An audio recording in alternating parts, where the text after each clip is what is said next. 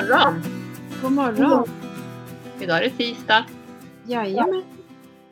Hur är det med dig? Jo, men det är mig. Det är inte lika gråmuligt idag som det har varit de senaste novemberdagarna. Vi har faktiskt lite sol här idag. Ja, jag hoppas att vi kommer ha det också. Jag ser att det är något ljus där bakom molnen. Ja. Ja, det har varit ganska varmt igen ju. Ja, verkligen. Och lerigt. Och, och regn. Ja. Vi håller på nu och ska bygga vindskydd till hästarna i deras hage. Ja, Vi har haft grävare här i helgen och min pappa var här och hjälpte mig att gräva och så har vi lagt ut grus och sådär. Eh, Så det får vi se om vi hinner börja bygga nu innan liksom snö och sånt där eller om vi får vänta till det vår och bygga. då. Men vi är i alla Mm. fall igång med det och det känns skönt. För jag är så less på det här med lera och allt vad det heter. Ja, men vad skönt det måste bli för er sen när du har vindskyddet också. Ja, verkligen. Då behöver man inte tänka lika mycket på att ta in dem och sådär utan då kan de vara ute lite mer och ändå känna när de är ute på dagtid också att de kan få ta skydd om det skulle komma en regnskur eller snö eller vad det nu kan vara. Eller även på sommaren om det är mycket insekter och sådär. Då är det ju skönt för, för dem att kunna gå in lite grann. ja, det är jättebra att ha ett vindskydd. Ja, för ni har ju det hemma. Ja, precis. Och det, de använder ju det mycket. Nu så här år så sover de ju där inne. Ja, Och sen så på sommaren brukar de ju ofta sova ute i hagen eller runt, eh, runt eh, höhäcken. Men eh, de kan ju även vara där inne för att söka skydd från solen och insekterna och så som du sa. ja. Det- var, det var lite komiskt för att eh, ja, det har ju varit ganska lerigt i hagen som jag tror både du och jag har berättat och sådär. Men ehm, då i alla fall när vi skulle gräva så visade det sig att det var sand under. Jaha. sand och lite grus, sten liksom blandat. Så det var väldigt bra underlag under. Så sa jag till min pappa, men kan du inte gräva lite längre in i hagen bara för att se liksom, om det även är grus där också? Eller så att det inte bara är där vi ska bygga vindskydd. Så han bara, men jag kan Ja. skubba lite grann och se. Och så var det typ så här fem, vad kan det vara, fem, sex, sju centimeter ner. Så var det ju sand ganska så långt in i hagen. Så han, Jaha. han skrapade bort lite grann där i alla fall. Så det var ju skönt att slippa alltså, lera en bit i alla fall. För då har de lite mera grus utanför då, utanför vindskyddet sen som det blir. Vad skönt. Bra, men det var lite skrattretande. Så man bara, Okej, det var ju typiskt. Varför har man inte gjort det här tidigare liksom? Kolla Nej. under. Ja, man vet ju inte vad som finns där under. Nej, man vet ju inte. Nej. Ja. Men eh, är det bra med dig annars då? Det är bra annars. Mm. Det är full fart om dagarna kan jag säga. Men Ja. Ja, det är roligt och mycket, mycket träning går ju till hästarna och sådär. Ja.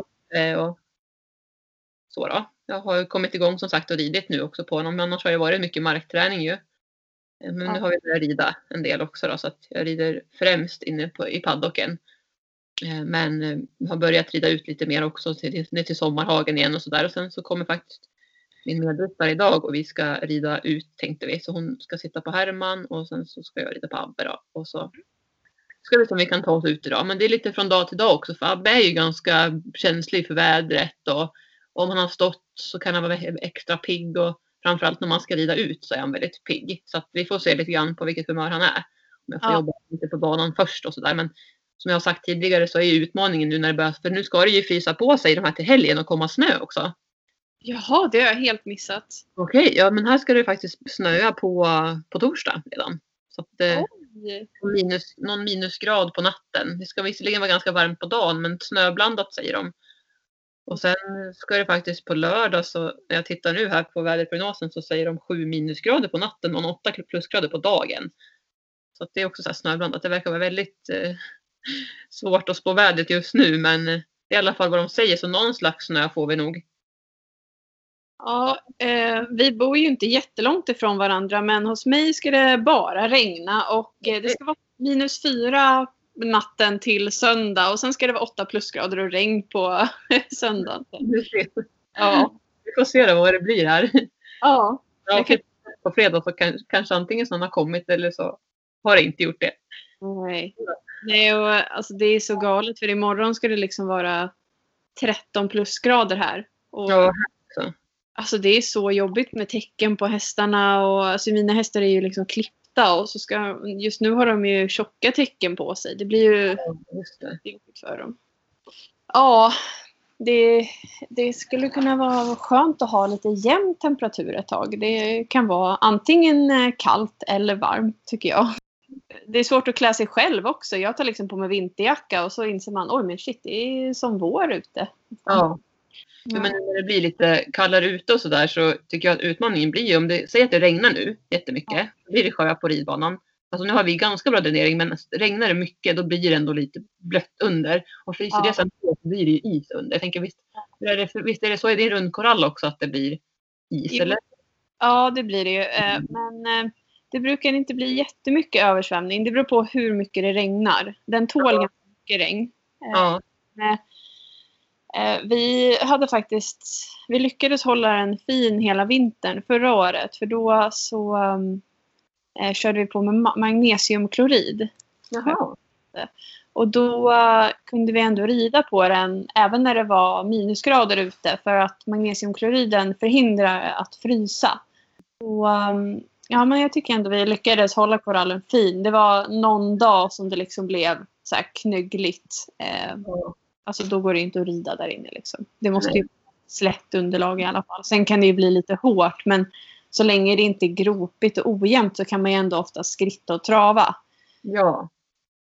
Jag ska se till att hålla vår ridpaddock, för den är ju, det är paddexmaterial i den. Så ja. jag ska försöka till att hålla den sladdad och bra så mycket som möjligt innan det, om det fryser på. För det kan, man vet ju inte, det kan ju slå till och så är det minusgrader dygnet runt och då kanske den inte tinar upp igen. Våran ridbana fryser ju.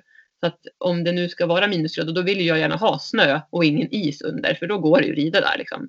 Men blir det ingen snö och påfruset alternativt is, då är det inget kul. Då går det liksom inte. I så fall möjligtvis att man kan skritta runt, men det går ju liksom inte att jobba hästarna i paddocken. Så det är lite tråkigt och lite jobbigt och lite oro, oroväckande liksom. För Abbe behöver ju träning varje dag, i stort sett i alla fall någonting, för att annars blir han väldigt pigg. Ja. Ja, men de sig bra. De kan, de, de kan stå egentligen flera dagar så utan att samla på sig massa energi. Så att det märks. Men Abbe har jag märkt att han behöver verkligen göra saker. Han behöver få utlopp för energin. Ja, det är så himla olika. Det är samma för mig med framförallt mina hästar som är lite yngre. De behöver ju mycket mer regelbunden träning. Ja. Och där har jag märkt att det hjälper inte bara att var ute, alltså markarbetar jag dem typ tre dagar en vecka. Bara alltså, horsemanship och träna kommunikation och longering och sånt. Och sen ska jag rida en dag bara. Mm. Då har de alltså, för mycket energi. Det går att rida på dem men eh, de, är, de blir så, alltså man märker att de liksom har svårt att fokusera och sådär. Mm. Så att de behöver mera ridträning för ja. att de slappna av och komma till sin rätt i arbetet när man är ute.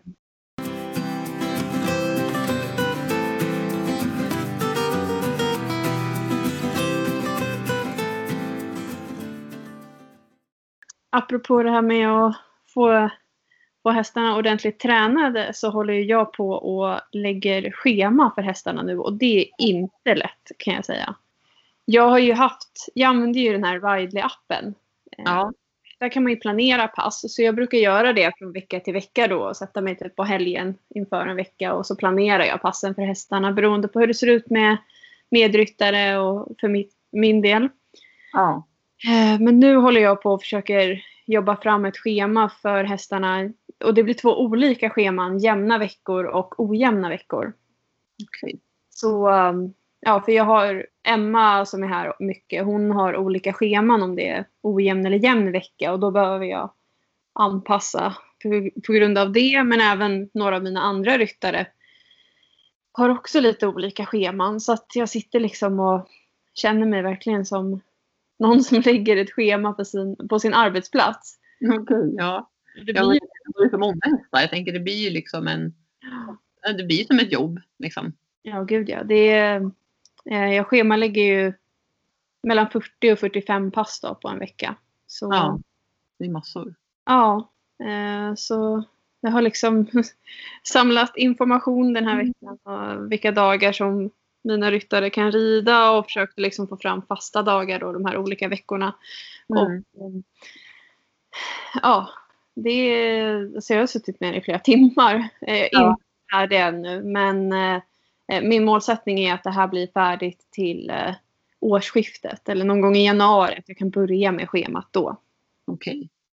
Eh, för att ja, nu är det ju snart jul och grejer och då kanske folk inte kan eh, binda upp sig lika bra heller. Och hästarna har ju inte tävlingar nu så vi tar det lite lugnare. Ja, det är som sagt, det håller jag på med väldigt mycket nu. Det tar mycket tid liksom att planera. Ja, Hur gör du så här, jag tänker veckovis? Planerar du även veckovis? Att du liksom, eller går du in och stämmer av vad du hade tänkt att du skulle göra? Alltså jag tänker när du planerar, liksom hur? eh, alltså just nu så planerar jag ju veckovis. Ja. Alltid. Men eh, jag tänker att när, schema, eh, när de här schemana börjar gälla då är ju målsättningen att vi ska köra samma varje ojämn vecka så är det ett schema och varje jämn vecka är det ett annat och då ska alla ryttare veta det. Och Ja. kan de inte komma sin dag då får de försöka lösa en inhoppare. Eller, ja, det är jag och sen Emma och några till är roterande ryttare, ryttare som hoppar in på alla hästar. Eh, så då kan ju vi täcka upp pass där det saknar ryttare bland annat. Eh, sen eh, så tänker jag att vi får ju se liksom hur det funkar i praktiken. För ja, men det kan ju vara att någon blir sjuk. Och speciellt i de här tiderna så är Ja. ju, så fort man är li, lite krasslig så stannar man ju hemma. Mm. Och det kan ju ske över en natt. Så ja, vi får, vi får verkligen se hur det, hur det ordnar upp sig. Men eh, jag lär ju stämma av med ryttarna också varje vecka tänker jag. Även om vi har ett schema så liksom stämma av att alla har koll på vad som gäller och Ja, dag och vilken tid de kommer är väl, kan ju kanske vara lite olika. ja. Har ni någon sån här Facebookgrupp eller någon eh, chattslinga eller någonting där ni kommunicerar alla tillsammans? Eller hur gör ni? Ja, vi har ett forum, en eh, grupp, alltså en sluten grupp på Facebook som, eh, som vi kan kommunicera i och det tycker jag funkar väldigt bra. Mm.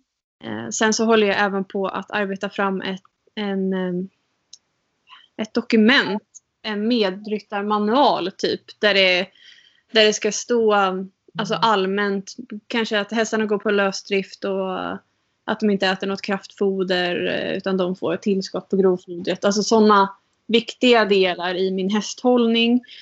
Men även lite allmän info kring träning och vad som gäller om man behöver vara hemma och inte kan komma en dag. Eh, och sånt. Så att alla liksom får samma information. För det är svårt att hålla reda på vem man har sagt vad till när det är många i en stall. Ja. Eh, så det, det är också ett, ett eh, arbete som jag sitter med som tar ganska mycket tid nu. Men det är jättekul också. Ja. Eh, och jag tänker att när man, när man väl är färdig med det och man får det att funka bra så kommer det ju bli väldigt tydligt för alla som är i stallet. Ja men eller hur. Det är jättebra. Det är skönt för alla liksom. Både för dig men även för alla medryttare. Och, ja, det blir ju mera ordning och reda liksom. Ja. Alltså den här eh, delen av året när det inte är tävlingar så tror jag att det kommer bli ganska lätt att sträva efter att hålla det här schemat. Men eh, sen när tävlingarna drar igång då blir det ju lite knepigare för att då kommer ju vissa hästar åka iväg på tävlingar och då kan de vara borta flera dagar. Kanske en dag då en medryttare ska rida och sen ska de vila efteråt. Och, ja, så då blir det lite, lite mera arbete kring att få ihop det. Eh, Ja. Också en sak som jag skriver i det här medryttarmanualet är ju att man har ju som medryttare har man oftast en eller två hästar som man ansvarar lite för. Några har ju att de kan rida på alla hästarna. Men eh, man har någon huvudhäst. Och om den hästen då ska vila efter en tävling eller om den har som Bullen då som har fått en hovböld. Ja, men då får man ju ändå gärna komma ut till stallet och hjälpa mig med att typ promenera hästen eller ta hand om den. Även om jag inte kan rida. Ja, just det. Ja, det är, men det är spännande. Vi får se. Det är så här fortsättning följer på hur det kommer funka med det här. Ja. Eh, och sen har jag som målsättning att lägga in de här schemana i Ridley-appen på varje häst. Så att jag lägger in de planerade passen liksom och sen så får eh, då kan man ju, man ska ju skriva en kommentar när man planerar ett pass och då tänker jag att jag skriver namnet på den som ska rida och ja. Mm. Och, ja. Det är, Ja. Planering. administration. Ja. Men eh, visst, visst letar du medryttare nu också va? Ja, det stämmer. Eh, Just nu så har jag ovanligt mycket för mig eh, här i veckorna. Jag har ju provridningar.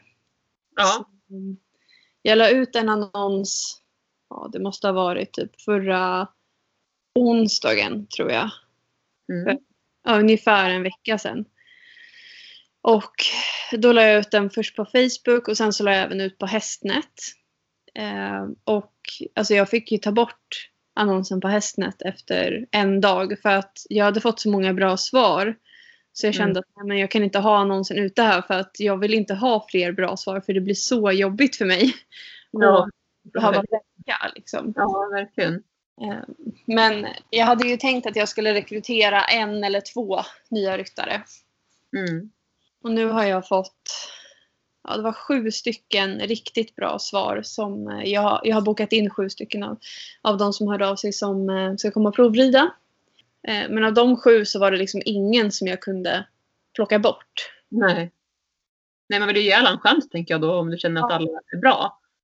Ja, men det jobbiga är liksom att jag känner ju att alla de här skulle jag vilja ha i mitt team.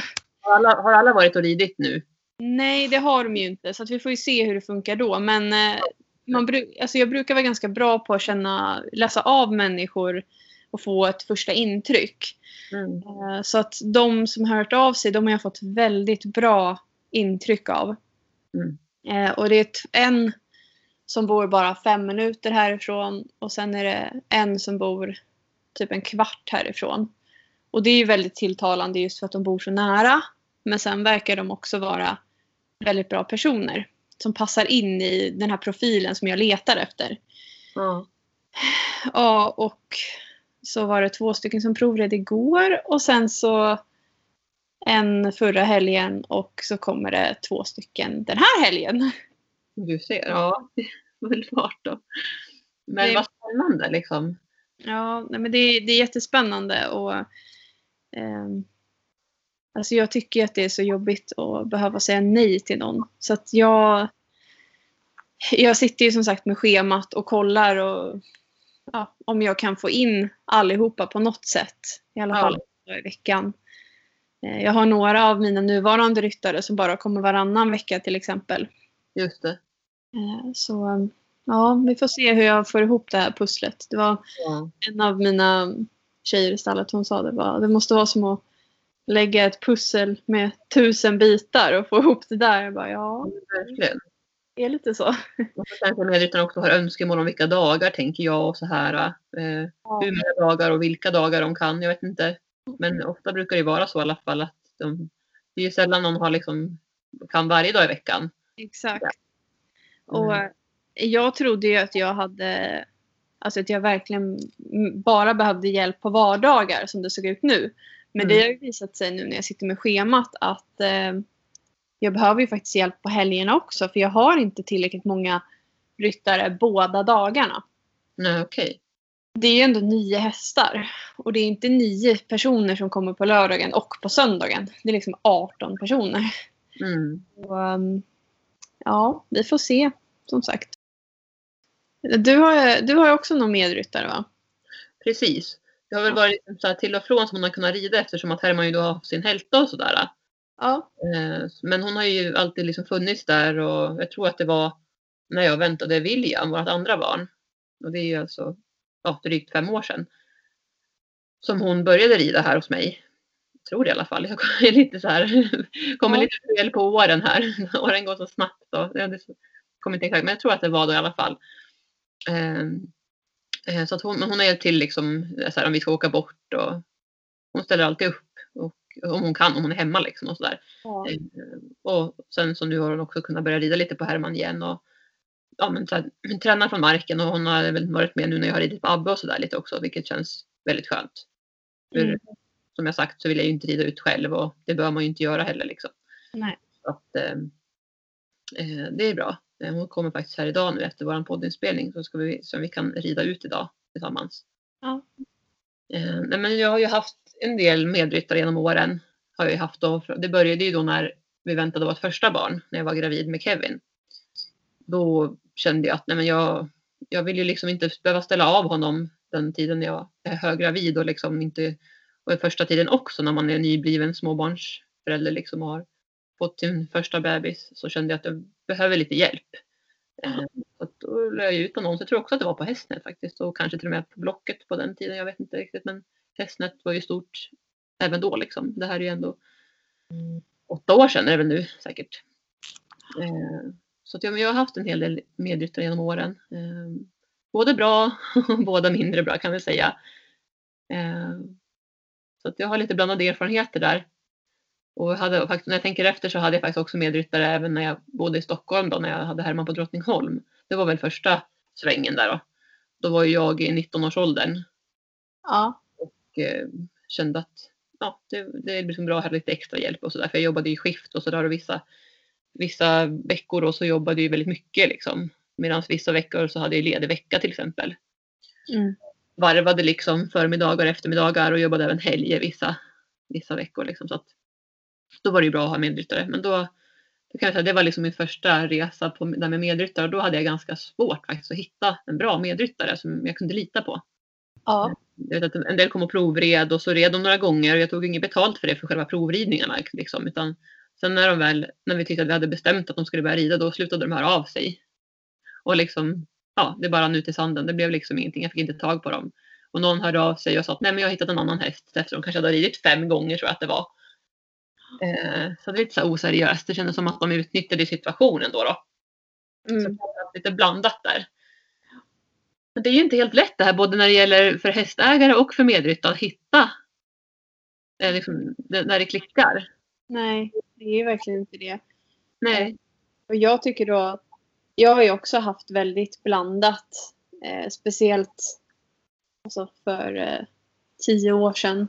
Då, det var väl kanske då jag började rekrytera medryttare. Och då var det väldigt blandat för jag hade inte, alltså jag hade inte så många hästar då och eh, det var inte några välutbildade hästar utan det var liksom skogsmullar.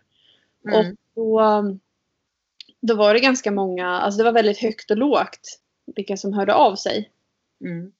Eh, och jag hade några som var jättebra som, som red hos mig. Men sen så hade jag även vissa som kom som man kände att oj, det här var inte alls vad de, alltså vad de uttryckte när de hörde av sig till en. Okej. Då fick man en bild av att oh, men, åh, den här personen var jätterutinerad. Och, ehm, jag hade en häst som var ganska taggad och alltså, hade mycket energi. Och han blev rädd om ryttaren liksom blev rädd eller började skumpa i sadeln och sådär. Mm. Och då var det då två stycken som skulle komma och provrida och de hade jättemycket erfarenhet sa de och sådär. Eh, men sen så satte de upp den ena då på den här hästen. Och det gick ju inte alls. Alltså han ökade farten och typ började galoppera ett par steg. Då skrek ryttaren Okej. alltså, i, i typ panik Oj. uppe på hästen. Eh, och det kanske man inte ska göra. Alltså hästar är ju flyktdjur då. Ja. Och han blev ju jätterädd av att hon skrek. Och liksom började springa ännu snabbare och till slut så hade ju hon, då ramlade hon ju av. Och hästen var ju liksom helt svettig och skitstressad för eh, han blev ju jätte, jätterädd av det här. Han, alltså han ville ju inte göra något fel utan det bara Ja. blev ju så. Han kände att hon var spänd redan från början. Precis. Och då tänkte han, okej nu är det en fara här på gång. Nu är det bäst att... Ja, då blev han ju rädd liksom. Ja, Mm. så det, då gick det inte bra. Nej, jag har haft några sådana tillfällen då man liksom ja, men det har låtit så bra på pappret. Ehm, det har jag ju lärt mig nu att många, alltså det är svårt kanske att skatta, alltså uppskatta sin eh, förmåga. Eller vilken nivå man ligger på. Och där har jag som hästägare nu börjat eh, Alltså jag, har blivit, jag har träffat så mycket människor både i min verksamhet och i mitt eh, arbete med eh, barn och unga. Eh, men även i stallet och så. Eh, alltså jag har ju lärt mig väldigt mycket kring människor och att läsa av människor. Mm. Jag kan oftast känna eh, det första intrycket, det stämmer oftast. Mm, precis. Jag håller med där. Ja. Sen så är det ju vissa människor kan ju vara lite blyga och försiktiga och alltså de behöver växa fram.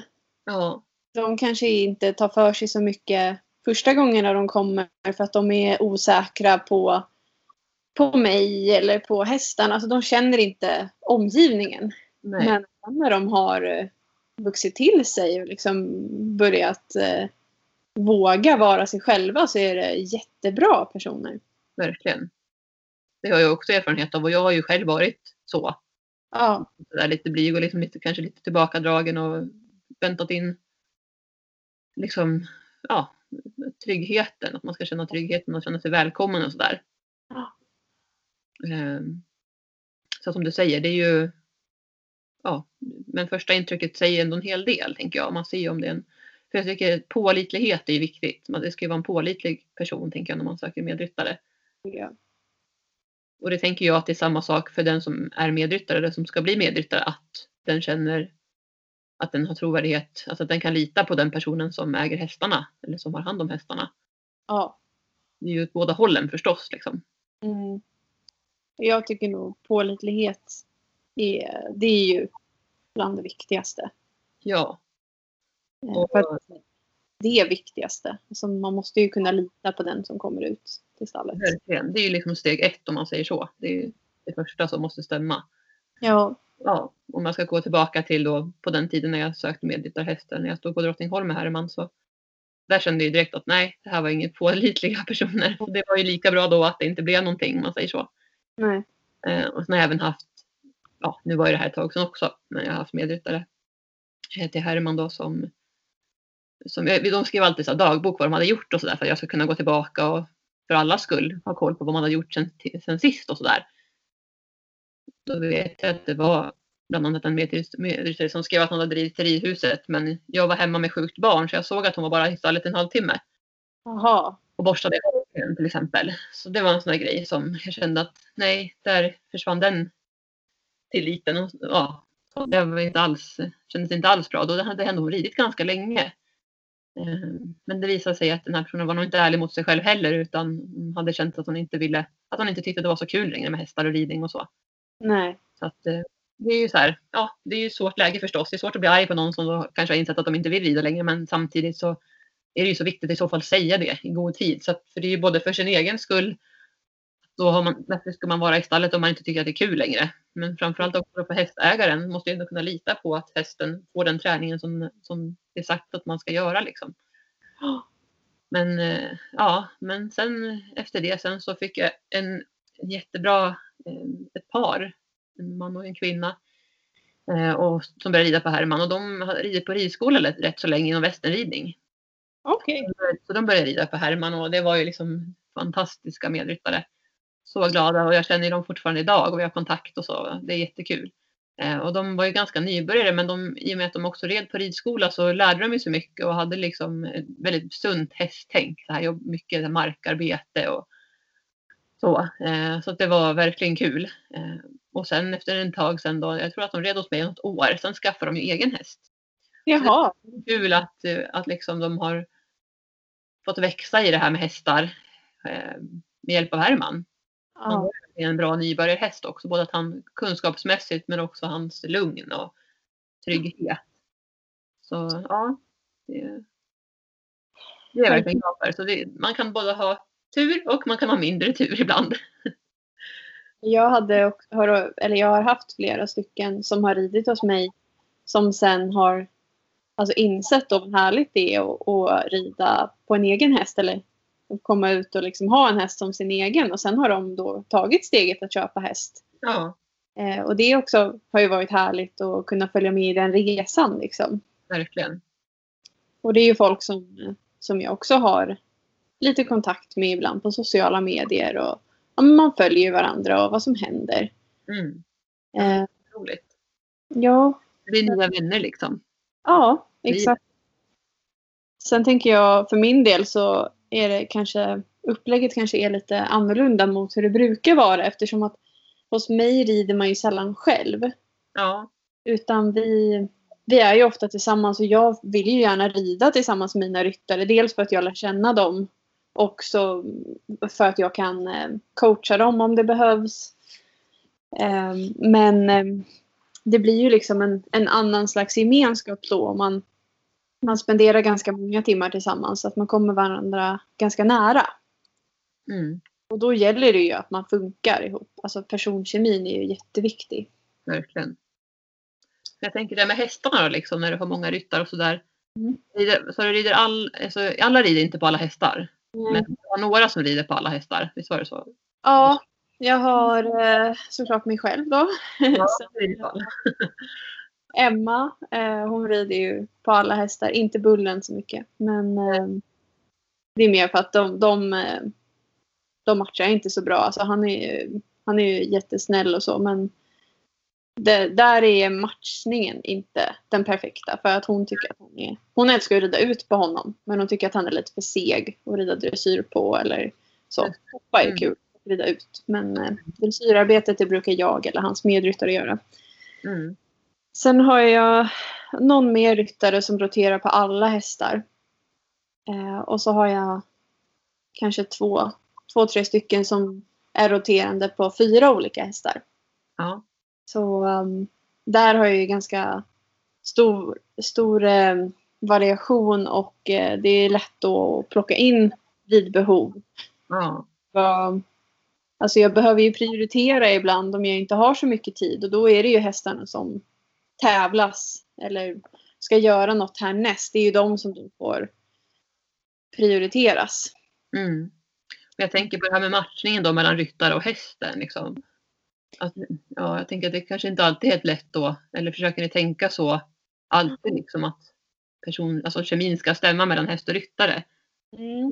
Det är ju Det är inte alltid så lätt att få till det. Precis. Eh, och där har jag användning av att jag har lärt mig att läsa människor väldigt bra. Och jag kan oftast känna vilken utstrålning de har. Är det en människa som känns ganska uppe i varv och alltså mycket energi. Eh, Mm.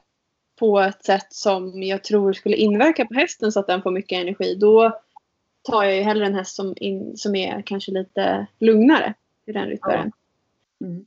Medan jag har eh, vissa ryttare känner jag liksom oj vilken lugn och harmonisk utstrålning. Det här är, känns som en person som inte stressar upp sig i första taget. Den skulle passa bra med en häst som kanske en yngre häst som eh, kan bli rädd för saker och så. Ryttaren då behåller lugnet och alltså, vet hur den ska hjälpa hästen.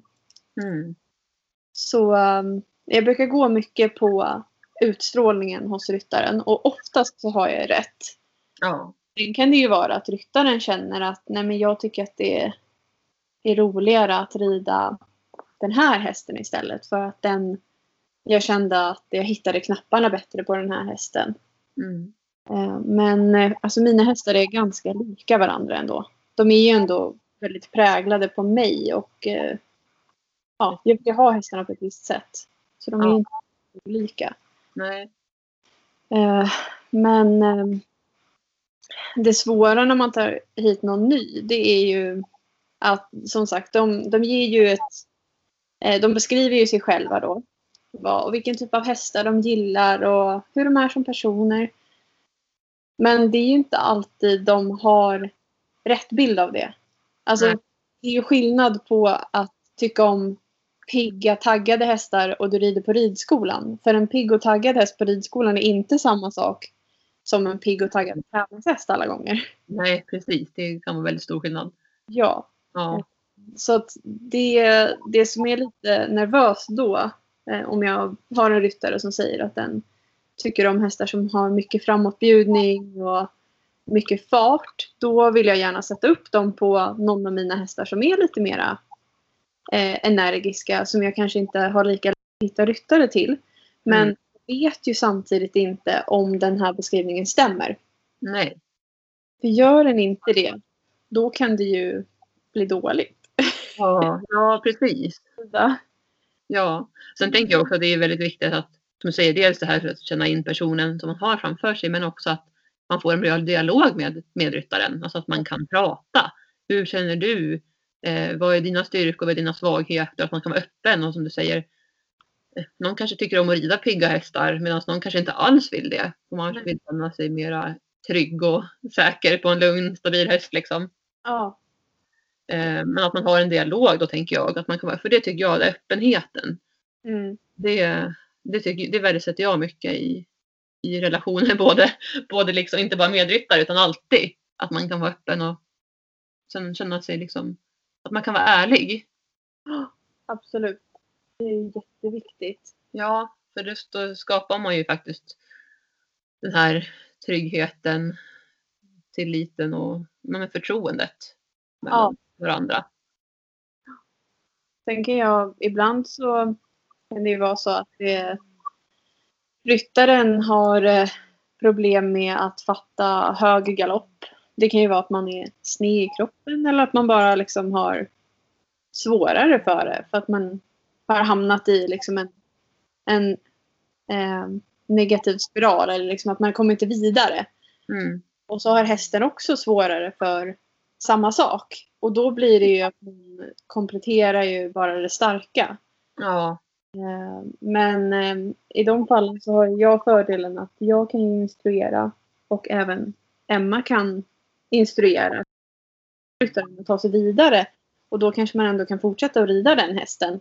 Mm. Om man tillfälligt då har hamnat i ett läge där både häst och ryttare behöver träna på samma sak. verkligen. Det är jätteviktigt som du säger.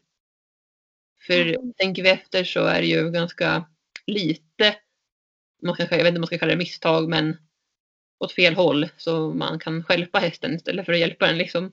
Ja. Eh, både som du säger sitsmässigt och så. Jag har lite utmaning nu med Abbe bland annat så i den här ridutbildningen nu så jag, ska jag lägga upp filmer här idag. Ja. Eh, om ja, lite dilemman som vi har liksom. Så att jag vet ju precis vad du menar. Och oftast är det så lätt att tro att nej men det är inget fel, jag är rak sådär. För man, det är det man känner själv att det är rätt liksom. Alltså, det, det kan kännas som att man sitter rätt fast man sitter väldigt fel. För att det som känns rätt kan ju kännas rakt fast det är snett. Alltså, så att det är verkligen knepigt det där. Så det är bra att ha någon som kan se hur man rider. Och då Mm. tänker jag att det är jättebra att du är med dina medryttare också så att du kan ge feedback. Ja, gud ja. Och jag har också varit det rätt mycket, framförallt i början så där när jag har haft nya medryttare, att jag har alltid velat vara med liksom, för att kunna hjälpa och ja, allting runt omkring. För att få en bra dialog och lära känna varandra och se att det funkar mellan häst och ryttare och så. Sen har ju liksom, i mitt fall varit så eftersom att jag har haft en ridhäst tidigare så har det varit så att jag har haft medryttare för att få avlastning och hjälp liksom, när jag inte själv har hunnit med. Nej. Och det var ju på den tiden också när jag hade en anställning och sådär och var nybliven småbarnsförälder. Idag så har jag ju mer medryttare för att det är roligt och som sagt när vi ska åka bort och sådär så är det alltid bra med lite extra hjälp då.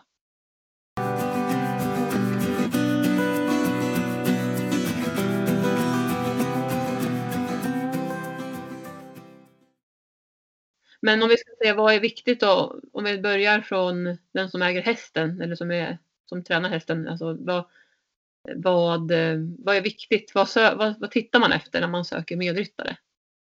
Ja, men som vi sa innan så pålitlighet är ju jätteviktigt. Ja. Ehm, sen tycker jag, alltså för mig är det väldigt viktigt med vad det är för person, vad den har för personlighet. Just för att vi kommer troligen att spendera mycket tid tillsammans. Mm. Och jag tycker det är ganska jobbigt till exempel om det är någon som eh, aldrig tar initiativ att prata. Mm. Jag förstår? Att man känner själv att jag måste hela tiden. Mm. Ja, det tycker jag blir jobbigt för att då blir jag lite stressad. Ja. Alltså, man kan, jag kan vara tyst med personer som man känner väl. Det, det är ju jättehärligt att liksom ibland bara vara tyst. Men om det är en person som man inte känner så bra, då kan ju tystnaden bli lite stressande. ja. Vet inte och, alltså varför det är tyst. Nej men precis, jag tänker så här, man vill ju, om man inte känner varandra då vill man ju lära känna varandra och då behöver man ju skapa en dialog för att lära känna varandra. Annars blir det ju inte så lätt liksom, att få grepp om varandra där man är. Precis. Jag, tänkte det är kanske det som är orsaken till att man kan känna sig stressad. Liksom. Att man vill ju föra konversation, alltså man vill föra, föra den här relationen framåt. Liksom, som Mm. Ja, så det är ju som du jag håller med. Jag tycker också att det är viktigt. Sen kan jag också bli stressad åt andra hållet. Om det är någon som, som jag märker liksom för, för mycket energi som vill kanske till och med bestämma lite och liksom har, sin- vill köra på sitt sätt. Ja. Jag tycker också att det är viktigt att personen kan lyssna in ägaren då. Alltså hur, hur ser rutinerna ut och vad är viktigt för hästen. Och ja. sen ska man självklart kunna komma med andra förslag och idéer liksom. Men där, där sa du faktiskt någonting jättebra. För att jag håller med om att jag vill inte heller att eh, eh, någon ska vara för styrande. Nej, Eh, Jag har inga problem med att ta eh, input från någon annan. Men Nej. jag vill inte känna mig överkörd eller känna att eh, någon liksom kommer in och bara säger så här ska det vara. För det är ändå mina hästar och jag har ett, ett visst sätt jag vill träna dem på, rid, alltså rida dem på eh, och ha, ha dem på ute på lösdrift och sådär. Ja. ja, men precis. Jo men det är jätteviktigt att lyssna in till, till djurägaren där och inte liksom köra över. Sen kan man absolut komma med feedback och har du tänkt på det här eller varför gör du så här? Ja. Eh, absolut, det har inte jag heller något problem med. Det tycker jag bara är bra. Eh, för det kan ju också vara så att den personen inte vet heller riktigt och kanske har, ja, beh- behöver liksom lära sig. Eh, Ja. Så att eh, det tycker jag är jätteviktigt. Men som sagt, som du säger, att inte känna sig att man blir överkörd eller så. Utan att, ja, det är viktigt åt båda hållen där. Mm. Ja. Men ehm, ja, vad har vi sen då? Sen är det, jag i alla fall, eh, ja vad ska man kalla det för? Alltså dedikering eller liksom intresse. Ja. Jag, jag blir väldigt ehm, glad om jag känner att mina medryttare vill engagera sig i hästen som de rider och de vill liksom hjälpa hästen och och mig framåt. Eller, och de, om de vill tävla så, så är de liksom ja, men de är ambitiösa och ja, precis. målmedvetna. Det Ja. var ju väldigt, väldigt tilltalande. Men precis, att man ser till hästens, till hästens bästa liksom. Att, Ja. man, att man vill hästen väl, att man vill som du säger eh, för hästens tränings skull. Självklart också för ägaren då beroende på vad man har för mm, överenskommelse liksom och vad hästägaren vill med medryttarskapet. Om det ska vara för en avlastning eller om det ska vara för en sällskap eller för att hjälpa till att träna hästarna. Liksom. Mm. Det kan vara olika saker. Så, men att man ser till hästens bästa och gör det som, som är bäst för hästen just nu. Mm. Eh, Och att man också inte låter sin egen agenda då styra utan att man tänker så här, "Ja, men jag vill rida ut i skogen idag eller jag vill rida ett pass på ridbanan men hästen kanske inte riktigt är på det. Det kanske Nej. inte är lämpligt idag. Man måste kunna känna in till hästen då tänker jag. Ja, Bara kör på liksom bara och sen och så får det inte bli massa lek heller. alltså man ska kunna leka och ha kul med hästen men det får liksom inte bli att man Ja, det, ska vara hållbarhet i- i- rakt igenom.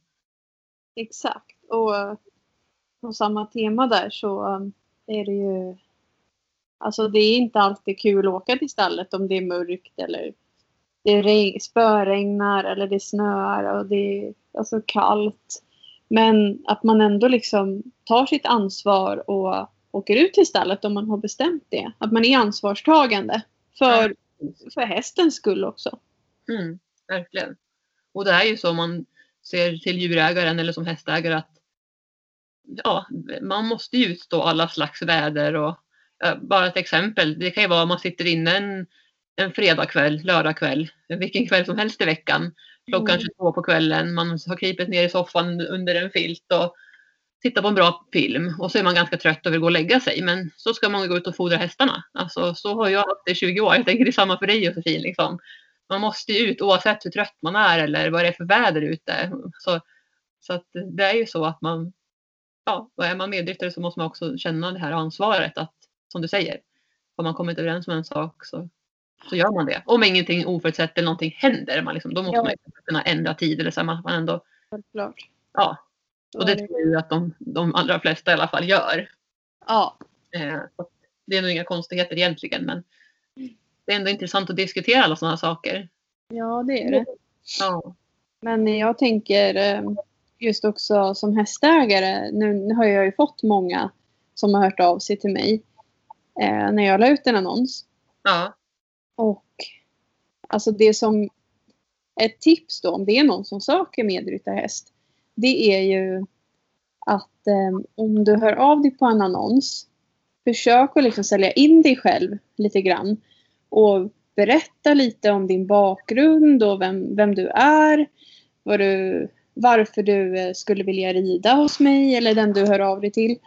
Och um, ja men alltså, gör en lite, alltså skriv en text. Det behöver inte vara jättelångt. Nej. Men det behöver vara längre än ett par meningar. Verkligen. Ja, men det säger du också är jätteviktigt. För att jag har ju fått många gånger så här, ja, men man frågar om hästen.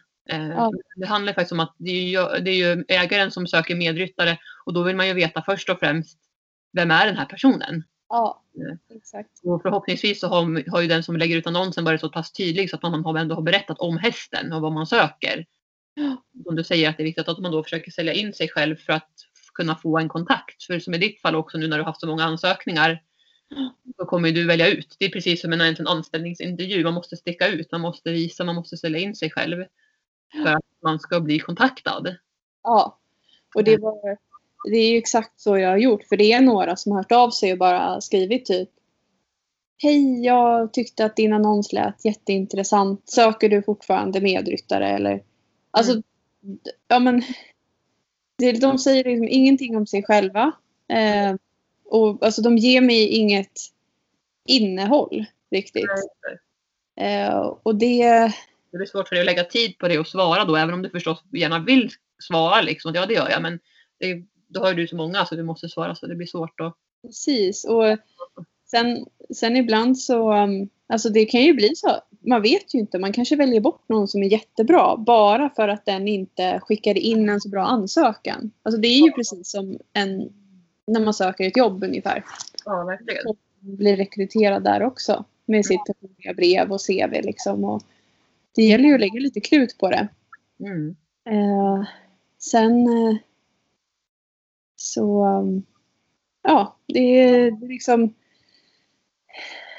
eh, det behöver inte kännas omöjligt. Eller vi vill ju inte att det ska kännas så här, men gud vad är det så här svårt och måste man Nej. ha så mycket? Utan det, är- det är bara att eh, jag i alla fall kan prata utifrån mig själv och jag vill ju få en liten bild av vem det är som hör av sig till mig. Verkligen. Det håller jag med om. Men nu har vi pratat om vad man som hästägare då söker hos en medryttare. Men om vi tänker tvärtom nu då. Vad, vad, hur, hur tänker medryttaren? Ja, Ja, nej men ehm, jag har ju aldrig, jag har ju bara haft egna hästar så jag vet inte riktigt eh, jag, är samma där. Men eh, jag tänker att om jag skulle söka en häst då skulle ju jag vilja ha en häst beroende på då vad, alltså om jag har tävlingsambitioner eller om jag bara vill ut och lufsa i skogen. Det är ju väldigt olika då vad man Verkligen, det är det ju. Men generellt så vill man väl ha en, trevlig häst som, med en bra hästägare. Det är jätteviktigt. Mm. Någon som man kan komma överens med som inte liksom... Eh, jag har hört exempel på folk som har varit medryttare i stall och eh, hästägaren inte har skött allting så bra med hästen. Till exempel inte fyllt på vatten ordentligt och så. Så att medryttaren har liksom känt ett ansvar för att ta hand om den här hästen. Ja, Eh, för att inte hästen ska liksom fara illa. Och det är ju, alltså det är ju fel av hästägaren. verkligen. Men jag tänker i det optimala fallet så är det ju inte så. Utan då har man ju en bra hästägare som är omhändertagande. Och Ja. tar hand om sin häst. Ehm, jag tycker absolut att eh, man kan betala som medryttare för att det är dyrt att ha häst Ja, eh, som hästägare. Men jag, jag tycker inte att man ska betala för att själva ägaren ska ha råd att ha sin häst. nej, det är jätteviktigt. Ja, det är inte Mm. bra. Alltså det är inte en, en seriös anledning. Och Nej. det är ett exempel på faktiskt. Ja, Nej, men jag har ju haft lite, alltså jag har ju oftast inte tagit betalt så jag har ju sett det som en avlastning för min del att få Mm. hjälp att rida och sköta hästarna. Eh, så jag har ju då inte tagit betalt utan då har jag sett det som alltså win-win för båda. Ja. Eh, men däremot så, ja, jag tror när jag stod på Drottningholm då var det ju mer så här gemenskap och så. Då hade jag ju inte barn eller sådana saker utan då kände jag väl mer att då tror jag att jag tog betalt. Men det var inte någon hög summa. Men som du säger, det kostar ju häst och vad kostar det inte att rida på ridskola och så vidare. Det är ju sällan det är gratis att rida liksom. Eh, Även om man då kan se det som att man hjälper till och sådär. Men det är ju ändå, det gör ju även hästägaren också liksom. Så att, Ja. det är klart att det är delade, delade meningar kring det säkert. Eh, Och Ja, där verkligen. man göra som man vill och jag tror att som medryttare får man nog bara vara lyhörd till vad den här hästägaren då känner. Och där kan man nog kanske tyvärr inte ställa några direkta krav så utan då får man ju bara anpassa sig och känns det inte rätt då får man ju helt enkelt söka någon annan häst tänker jag. Eh, Ja, Som hästägare också att ja, tänka till hur man vill göra där. Vad som är viktigt. ja. Jag, tänker, du säger. jag tar ju betalt. Ja, Sen kan det vara några i mitt stall kanske som har väldigt dålig ekonomi, som har varit sjukskrivna eller av annan anledning inte har möjlighet just nu eller alls att betala. Nej. Och då betalar de mig genom till exempel att jobba i stallet. ja, Eh, Så det finns ju oftast lösningar. Men eh, jag tar ju betalt för att det är slitage på utrustning när andra kommer och rider. Mm. Det blir slitage på mina sadlar. Speciellt om man har ridstövlar så slits lädret väldigt mycket. mm, Jag provar ju ut sadlar till hästarna varje år. Det kostar pengar. Eh, Men det är ju för att det ska vara så bra som möjligt för både hästarna och ryttarna. ja. Och även det blir slitage på mina hästskor. Mm. Eh, när, alltså även när andra rider. Det är ju inte bara jag som sliter ner skorna. Utan om det är en annan ryttare som är ute och rider en, en tur på två timmar med min häst. Det är klart att skorna slits. Ja, Så att eh, alltså, man är ju inte bara gratis som medryttare utan det blir ju lite kostnader kanske för hästägaren. mm, så är det ju absolut. Man hjälper ju till med, alltså eh, det är klart att man hjälper hästägaren och jag tycker också att det är liksom win-win, eller det ska vara det. Men eh, jag tar liksom en summa för att försöka att täcka upp lite för hästskor och utrustningsslitage. Ja, ja men det är ju helt rätt där. Och då Ja. tycker jag bara att var och en kan göra som, man, som känns bra för en själv. Det är det viktigaste. Jag, ibland, eh, jag har vissa, eh, tidigare så har jag haft så att man har haft vissa ryttare som kanske inte haft möjlighet att betala men ibland då när de har haft eh, bättre ekonomi så kanske de har köpt någonting till stallet som de tyckte saknades. Alltså det har varit en sån här, Just det. alltså vi har inte haft något eh, alltså, oskrivet kontrakt eller vad säger man? Att det är liksom, det Ja. bara per automatik. Att Mm. man ger och tar. Mm. Eh, Och det är egentligen det viktigaste, tänker jag. Det här med att man ger och tar. Det ska Ja. inte bara den ena parten tar hela tiden. Utan både medryttaren ska få och hästägaren. Verkligen. Mm. Är det någonting annat då som medryttaren eh, ty- kan tycka är viktigt liksom? Eh. Jag tänker att... Eh, ja, jag nämnde ju det här med att eh, hästen bör vara väl omhändertagen. Eh, jag tänker liksom på hästskor och sånt där också. Att man kanske då, om man är medryttare på en häst och kommer ut till stallet, då kanske det inte är så kul om det visar sig att hästägaren inte har satt på nya skor på hästen så att skorna är helt nerslitna och, och kommer ramla av när man rider ut. Mm, precis.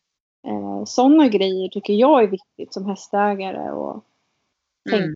och jag kollar liksom hästarnas skor. Om jag vet att någon ska komma och rida så tittar jag bara. Ja, men den här ska vi sko om nu. nu. Nu skor ju vi själva så det är lite lättare. Men ja, Mm, ja, men det är jätteviktigt att hästen, att hästen är intakt eller vad man ska säga när medryttaren ska komma.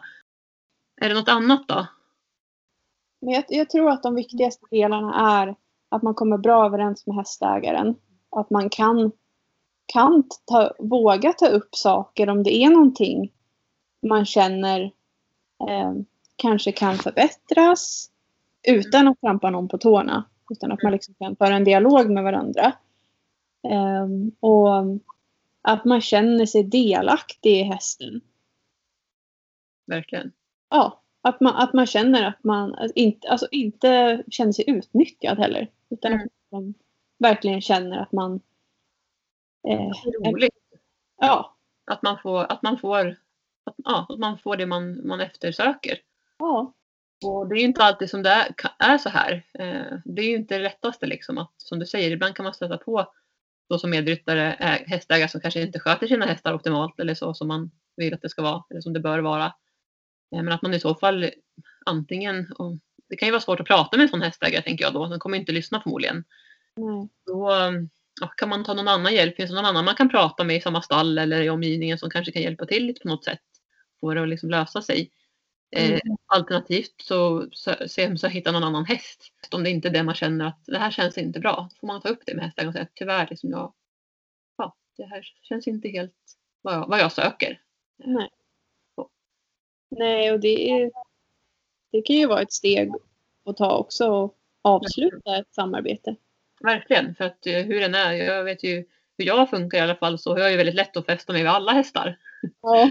Eh, och relationen med hästen, det är ju inte alltid då så lätt kan jag tänka mig. Nu har jag ju själv inte heller varit medryttare tidigare så att jag har ju liksom inte det att utgå ifrån. Men jag har ju ändå haft en hel del hästar genom åren och jag vet ju själv hur jobbigt det är till exempel de få gånger jag har sålt häst, hur jobbigt det är. Och man kanske till och med då har hunnit få en, en relation till hästen och som medryttare. Eh, och det är inte så kul då att släppa det. Nej. Så det är inte alltid lätt. Men förhoppningsvis så blir det ju så som man har tänkt sig och där tror jag också att det är bra viktigt både som hästägare och då som medrytt, blivande medryttare att verkligen känna in, känns det här rätt innan jag tackar ja? Så tänker jag då. Mm. Så att man inte tar första bästa häst och så märker man att det inte kanske var som man hade tänkt sig utan att man då kanske ger lite tid och kanske någon provridning men då kan, där kan jag nog tänka att där är det viktigt att man har en dialog så att man inte känner så som jag kände för ett her- herrans gäng år sedan med utnyttjad som hästägare. Eh, man kanske då får betala en slant för, för de här provridningarna i så fall. Ja. Ja, precis. Ibland kan det ju faktiskt bli så att ehm, om man tar betalt så blir det mer seriöst. Eller mer, den som kommer och rider och betalar för det tar, vill ju verkligen komma dit då för att det är någonting man betalar för. Ja, verkligen. Men sen som du var inne på också om det, om det har med ekonomin att göra. Det kan ju vara en jättebra person med att man inte har ekonomin och då kan det vara väldigt svårt. Man vill så gärna rida men man Mm. har inte råd. Eh, Då, då kan det vara knivigare faktiskt. ja, jag, jag, för mig då, om jag tycker att det är en person som verkligen skulle passa in, då, då löser jag det på något sätt. Ja, ja men eller hur. Alla har ju olika förutsättningar. Som jag- du säger. Ja, jag tycker inte att man ska behöva, eller jag vill inte behöva säga nej till någon för att den inte kan betala utan då kan den hjälpa mig på något annat sätt. verkligen. Så är det så att om man stöter på någon som verkligen kräver betalt, då är det bättre att leta någon annan häst. För det finns ju då, som Josefin säger, vi som faktiskt kan tänka oss Mm. eh, alltså, att, det, att det blir bra ändå. Ja. Mm. Ja. Ja, det blev ett långt avsnitt idag. ja, Vi kan nog prata mycket som helst om det här med medryttare och allting. verkligen. Men jag tänker så här, att har ni, nå- ni lyssnare några eh, inputs eller liksom tankar, funderingar, någonting ni vill att vi spinner vidare på så hör av er till oss. Ja, jättegärna. Antingen på vår mail eller på vår Instagram eller Facebook. Det får ni gärna göra. Berätta lite om era egna erfarenheter om ni har lust. Ja men precis, för det är ju alltid intressant att höra mer om och diskutera och så. Mm. Vad ska du göra nu idag då Josefin? Eh, ja, jag ska ha en provridning. Eh, får vi se hur det går med Ja. eventuell eh, medryttare. Så eh, Spännande. Ja, det ska bli jättespännande att träffa personen. Men man har ju fått som sagt en bild av eh, baserat på vad man har skrivit med varandra. Sen får vi se om den stämmer eller inte. Ja. Vad ska du hitta på? Eh, nu ska jag ut och göra ordning hästarna. Eh, så kommer medryttaren här. Hon ska komma här nu om en liten stund. Ja, Vi vill se om vi kan rida ut idag. Det ska bli spännande. Det verkar ju ändå vara helt okej väder. Det blåser lite grann. Nu har det faktiskt blivit mulet här också. Solen är här någonstans bakom molnen men vi får väl se om den tittar fram med idag. Eh, Men vi ska rida ut. Ja. Och sen ska jag sätta mig och jobba med lite annat idag. Ja. Lite möten och grejer. härligt. Mm. Då säger vi så för den här veckan då. Ja, det gör vi. För alla har det så bra. Ha det så bra. Kram kram! Kram, kram. Hej då. Hej då!